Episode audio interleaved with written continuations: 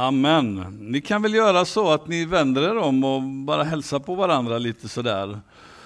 Säg något trevligt, vackert till någon du ser. Vad fin du är, vad roligt att du är här. Eller vad fin, ditt, fint ditt skägg är, eller något sånt där uppmuntrande. Vi har ju så här jättefina... Mm. Vad gott hörni. Jag, jag, eh, förra, förra söndagen så predikade jag utif, eller om eh, eh, eh, tacksägelse. Det var ju tacksägelsesöndagen förra söndagen. Och talade om att vara tacksam. Och, eh, jag satt och funderade på det där och bläddrade i min bibel. Vad ska jag ta och predika över idag? Och tacksamhet gör ju någonting med oss. Man blir ju salig när man är tacksam, eller hur? Så jag fastnade för saligprisningarna. Matteus 5 vill jag läsa. Matteus 5. Eh, och jag läser ifrån eh, vers 1 till och med 16. Matteus 5, 1-16. Och har du din bibel med dig så får du gärna slå upp den eller så lyssnar du bara på mig. Så här lyder då Herrens ord. När Jesus såg folkskarorna gick han upp på berget. Han satte sig ner och hans lärjungar kom fram till honom. Då började han tala och undervisa dem. Saliga är de som är fattiga i anden dem tillhör himmelriket. Saliga är de som sörjer, de ska bli tröstade. Saliga är de ödmjuka, de ska ärva jorden. Saliga är de som hungrar och törstar efter rättfärdighet, de ska bli mättade. Saliga är de barmhärtiga, de ska få barmhärtighet. Och saliga är de renhjärtade, de ska se Gud. Och saliga är de som skapar frid, de ska kallas Guds barn. Och saliga är de som blir förföljda för rättfärdighetens skull, eh, dem tillhör riket. Och saliga är ni när människor hånar och förföljer er, ljuger och säger allt ont om er för min skull. Gläd er och jubla, ty er lön är stor i himlen.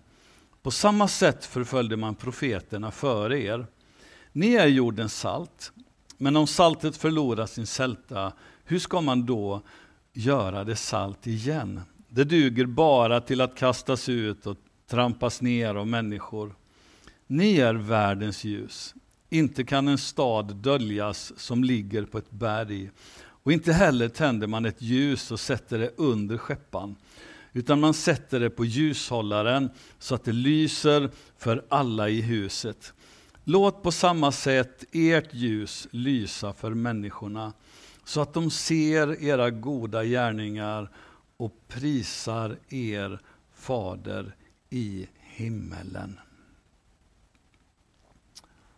Underbar text ifrån Matteus 5.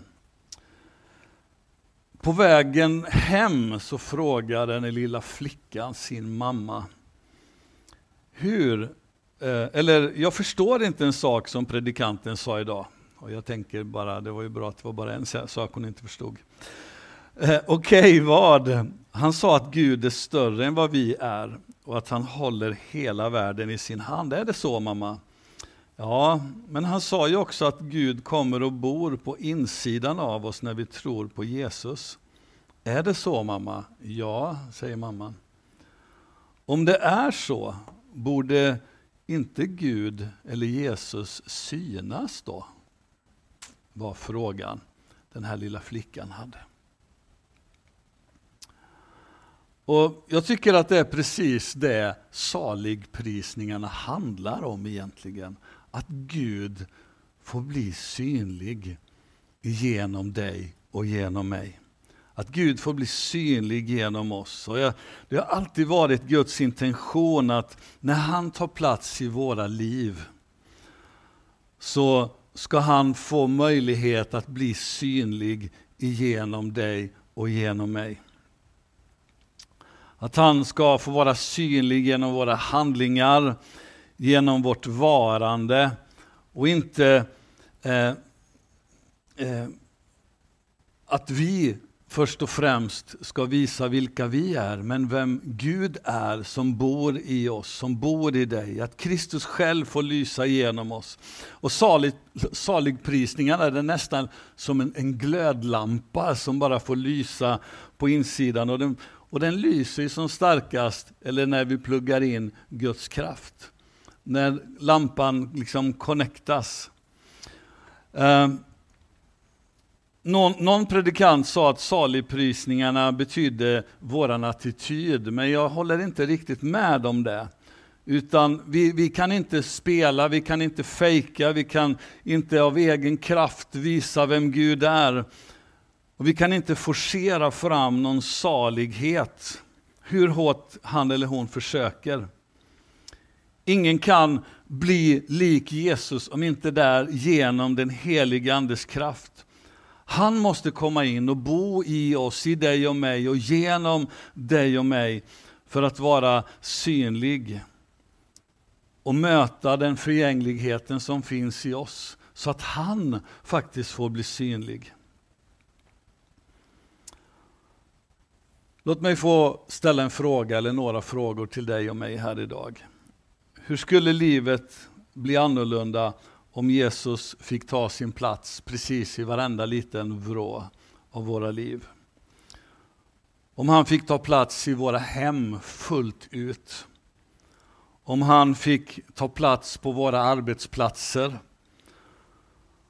Och du som är ung och går i skolan, om Jesus finge ta plats på din skola där du är. Om Jesus finge ta plats i kyrkan i talarstolen. Om Jesus fick lysa igenom varenda, varenda, varenda liten sak. Och där har vi en utmaning, tror jag. För det, Jesus vill inget annat än att ta plats precis i varenda område, i varje, varje detalj i våra liv. Och eh, och han kommer, för att, han kommer för, att, för att ge liv, sitt liv i dig och mig, för att vara Herre i ditt och mitt liv. Och på så sätt vara synlig i, i oss. Men frågan jag ställer mig ibland är, ser Gud eller ser andra Jesus genom mig? Är Jesus synlig genom mig? Är Jesus synlig genom mina ögon, mina handlingar, mitt sätt att vara, mitt sätt att umgås med folk, mitt sätt att, att bete mig? Är Jesus synlig i allt detta? Och för mig är det en väldigt utmanande fråga varje dag, i varje möte. Är Jesus synlig?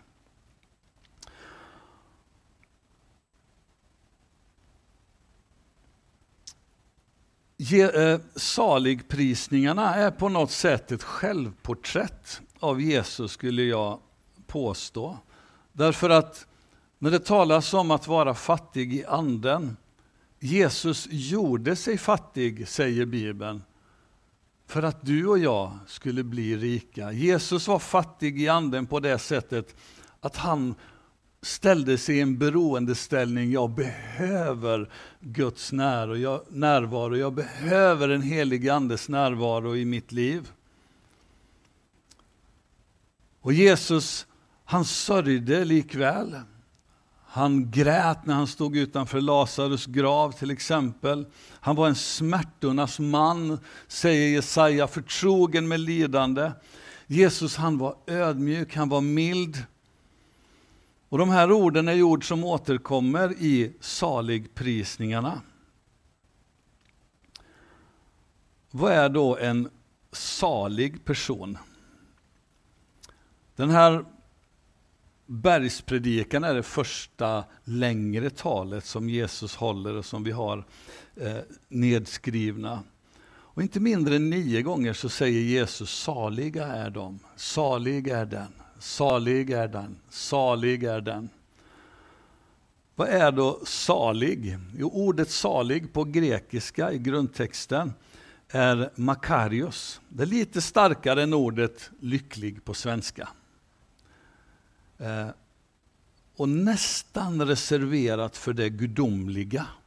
Och det användes ganska mycket i samtiden eh, för att beskriva, och bli inte arg nu, men det var så ordet användes. Det här ordet användes för att beskriva de rika som åtnjöt en standard som inte andra gjorde, där de inte behövde oroa sig för livets saker.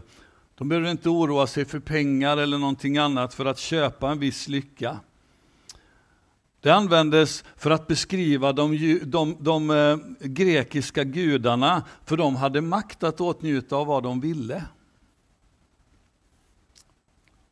Och det Populärt så var det en koncept av lycka. Saliga är de rika, saliga är de kända, saliga är de begåvade, saliga är de mäktiga.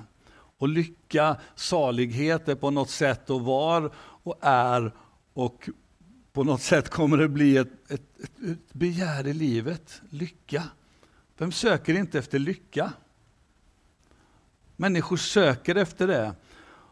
Och ändå låter det som att det är få som får det, för att vi sätter det i samma kategori som fyrklövern. Eller skrapa en triss, plötsligt händer det. Eller slutet på regnbågen, där finns det eventuellt en skattkista någonstans som gör att du blir lycklig. Men Jesus han, han målar upp en annan bild av lycka, av salighet. Han, han målar upp någonting annat när han lyfter fram det här.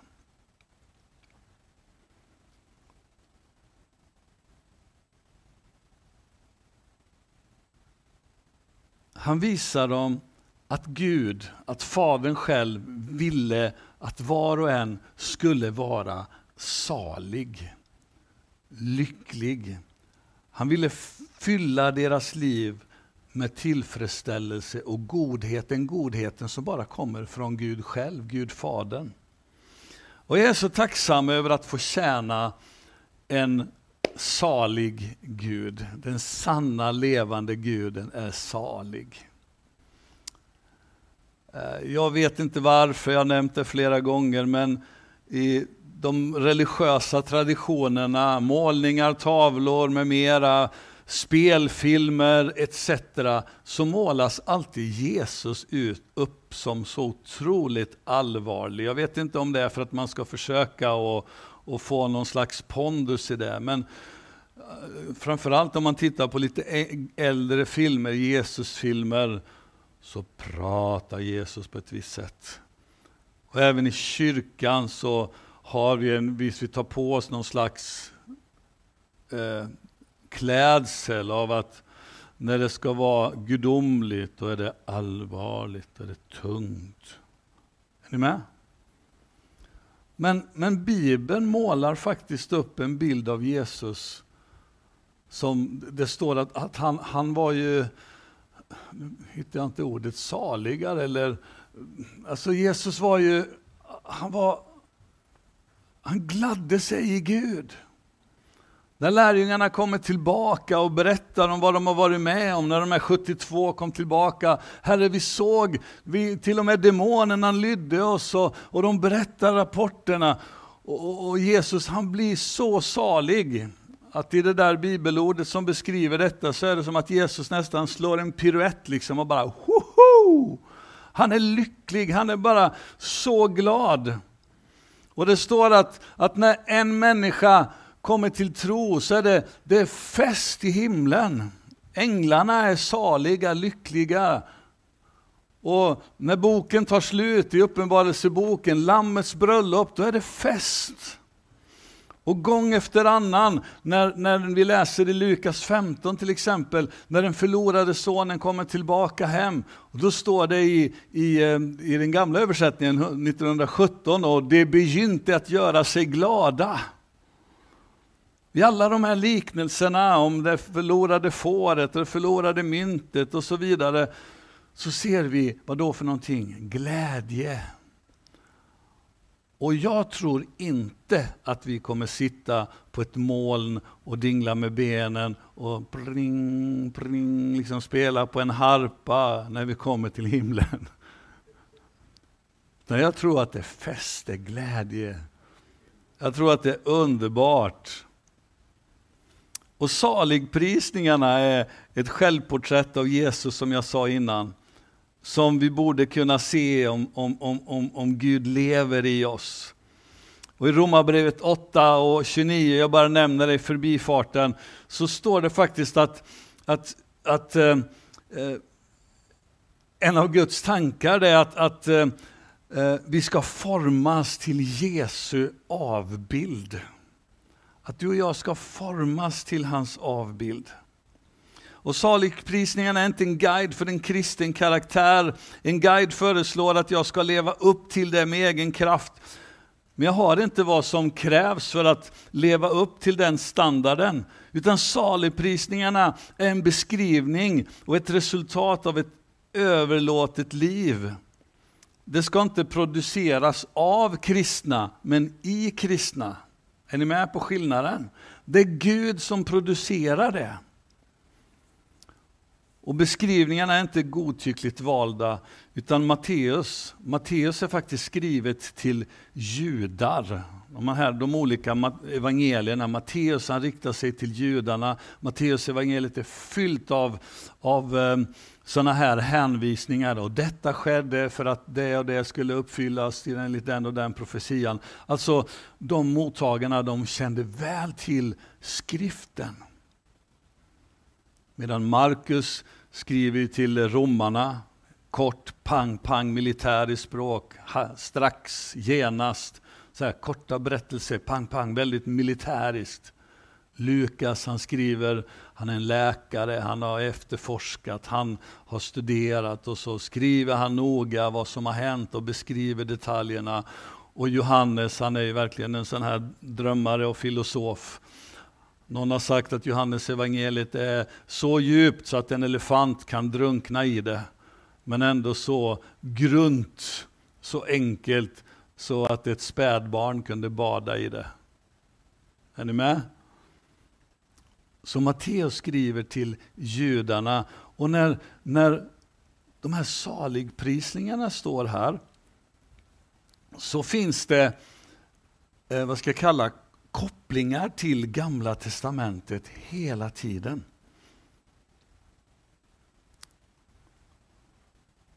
Och eh, Jag läser de här saligprisningarna i lite omvänd ordning. Jag vänder på dem nu och jag ska strax landa i min predikan här. Men de kanske kan bli lite lättare att förstå om vi gör det. Himmelriket ska ges till de fattiga i anden. Då blir de saliga. Det lät lite annorlunda va? Himmelriket ska ges till de fattiga i anden. Då blir de saliga. Det här är en direkt koppling till Jesaja 61.1. Herrens ande är över mig, han har smort mig till att förkunna glädjens budskap för de fattiga. Trösten ska ges till dem som sörjer. Då blir de saliga.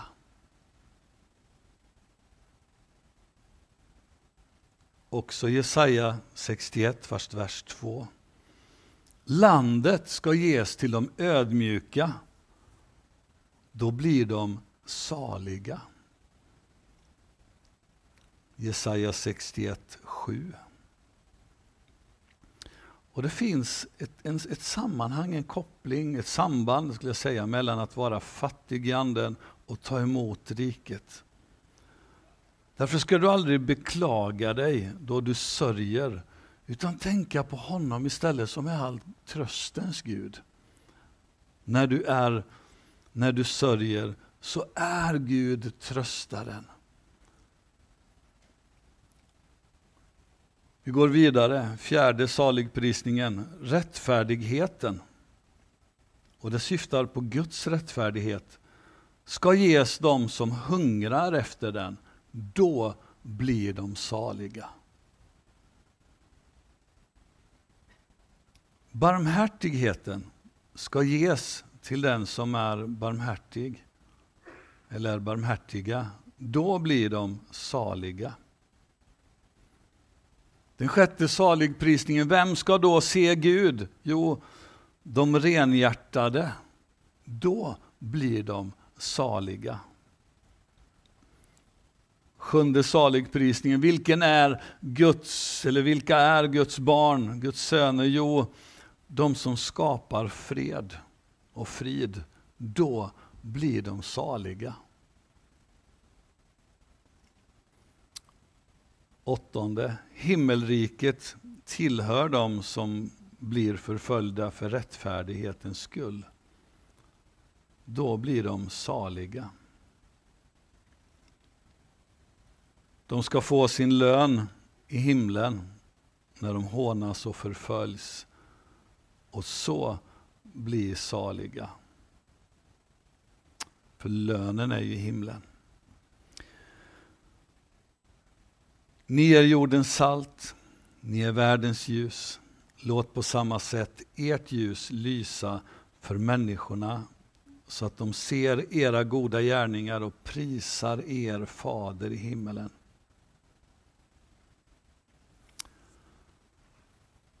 Så sammanfattningsvis, det lyckligaste folket på jorden är de som överlåter, och överlåter sig själva till att uppleva Guds nåd varje dag. Varför då? Jo, därför att dessa tillhör Guds rike. Därför att det är dessa som är tröstade. Därför att det är de som ärver jorden. Därför att det är de som blir mätta. Därför att det är de som får nåd och får se Gud. Och andra kan se Gud i dem. Och de är Guds barn. Saligprisningarna. Så lycka, salighet ligger först och främst inte i rikedom och framgång, utan salighet ligger i att Guds rike får ta plats i våra liv, att Guds rike får ta plats i våra hjärtan, att Guds rike får ta plats i varje område, varenda vrå av våra liv. Var vi än är, som jag nämnde innan, arbetsplatsen, hemmet, i ditt äktenskap, i din relation, i din familj, i allt det, det du och jag gör. Ska vi be tillsammans? Herre, vi tackar dig för att du är den du är. Och tackar dig Herre för att eh, när du undervisar om de här sakerna Jesus så uppmuntrade du folkmassorna, skarorna att öppna sina hjärtan och se vem du är, vem Fadern är och se vad du har i ditt rike för varenda människa. Och Herre, det vi ber om är att ditt ljus ska få ta plats i våra hjärtan fullt ut, Herre. Att varje område, varje liten vrå i, det, i dem vi är får vara öppen för din, din närvaro, för, för ditt ljus, Herre. Så att ditt liv, ditt rike och den du är får lysa vidare till människor runt omkring oss. Himmelske Fader, tack för din godhet. Tack för din godhet och din nåd. Tack Herre för den du är. Och tack för att vi får vända oss till dig varje stund, varje dag, varje ögonblick. Herre, i ett nu så kommer du med din närvaro. Och Herre, med din vishet och med din kraft in i våra liv. Tack Jesus. Tack Jesus. Tack Jesus. Herre, vi älskar dig. Herre, vi älskar dig med allt det vi är och allt det vi har. Kom heligande. Kom heligande. Kom heligande. Hmm.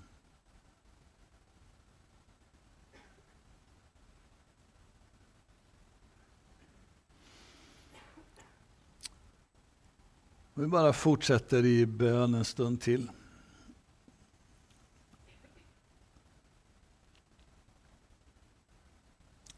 Tack Jesus. Tack Jesus. Mm. Det är tre saker som jag bara upplever som, som Herren liksom pinpointar på ett extra sätt utifrån den här texten idag. Och om du känner igen dig i det här så, så vill jag bara uppmuntra dig att öppna ditt hjärta och ta emot det här verkligen som ett ord ifrån Herren. Och det, det är tre, tre olika saligprisningar här. Det ena är, det ena är saliga är de som sörjer, de ska bli eh, tröstade. Om du, om du är i sorg idag, du sörjer dig för något. Det är någonting som bara tynger ditt hjärta, det finns någon sorg där. Bara öppna ditt hjärta till Herren, för han vill komma med, med, med, med sin tröst, med sin närvaro och hela det här trasiga, eh, sorgsna hjärtat i dig. Det andra är rättfärdigheten. Det kan finnas saker runt omkring i ditt liv som du bara känner att det är så orättfärdigt. Det är så orättfärdigt. Det är saker som upplevs så fel och kanske du känner dig själv fel, felbehandlad på något sätt.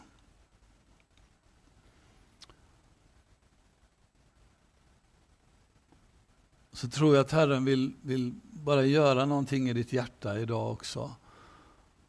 Bara låta sin rättfärdighet få komma in och över dig så att du känner dig alltså mätt. Det står här, saliga är de som hungrar och törstar efter rättfärdighet, de ska bli mättade. Kanske en annan take på det, men då du bara får känna att jag behöver inte ta hand om rättfärdigheten, utan Gud är det som kommer över dig.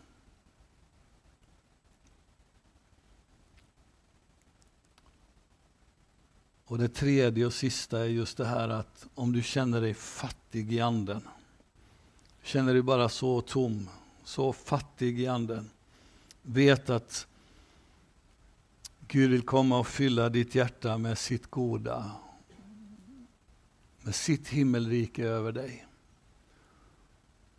Så jag skulle vilja, jag ska be ytterligare en gång här tillsammans med dig. Och är det så att du känner igen dig i någon av de här tre sakerna, du vet Ruben, det där, det där gäller mig. Jag vet precis vad du talar om.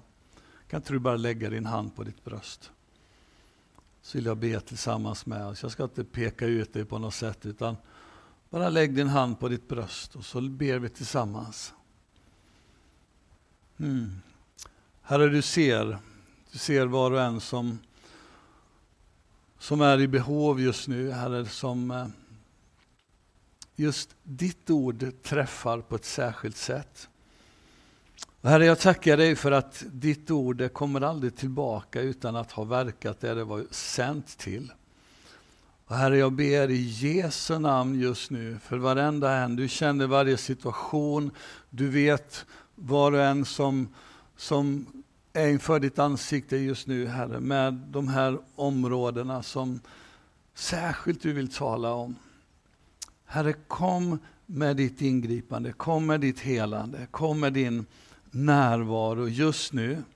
Kom med tröst, Herre, där tröst behövs. Herre, du är den som byter ut vår sorgedräkt i glädjens dräkt. Och Herre, det är du som gör miraklet. Och Herre, du är vår rättfärdighet. Herre, du är den som både förändrar oss och Herre, du är den som också eh, är den som tar striderna för oss, Herre. Så jag ber, kom just nu. Och Herre, den som känner sig fattig i anden idag på ett särskilt sätt. Blås med din närvaro, Herre. I namnet Jesus. Tack Jesus Kristus. Tack Herre för din godhet. Åh Herre, vi älskar dig. Vi älskar dig. Mm.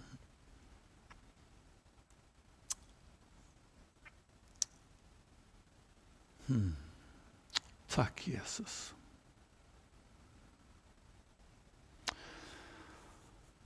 Amen. Vi ska sjunga ytterligare en sång alldeles strax här. Jag vill bara säga så här, är det så att om du känner att du vill ha förbön, jag känner mig väldigt ensam här framme idag. Men om det är så att du behöver förbön så um, antingen i bänken där du är, bara ta tag i personen som är jämte dig. Kan inte du be för mig? Ehm, kan du säga till personen eller vill du kan du komma fram här till första bänken så kommer någon av våra förebedjare och, och ber för dig tillsammans med dig. Och, så att du inte går härifrån idag utan att känna att du fick eh, bli bädd för, som vi säger ibland, men att du fick förbön. Det kan vara så många olika saker som vi bär på dagligdags. Och så vi bara behöver att någon ber en bön tillsammans med oss, kort eller lång, men vi bara får bära varandras bördor och veta att Gud hör våran bön. Och det är så gott där det står i Matteus kapitel 18, när två av er kommer överens att be om någonting, vad det än må vara, så vill väl vår far i himlen bara komma med det svaret. Och eh, därför så ber vi också tillsammans med varandra. Givetvis så hör Gud i din bön där hemma, men det är så gott att be tillsammans med någon. Och vi ska sjunga en sång här till slut tillsammans, Saliga visshet, Jesus är min. Himmelens, vadå för någonting? Glädje fyller mitt sinn.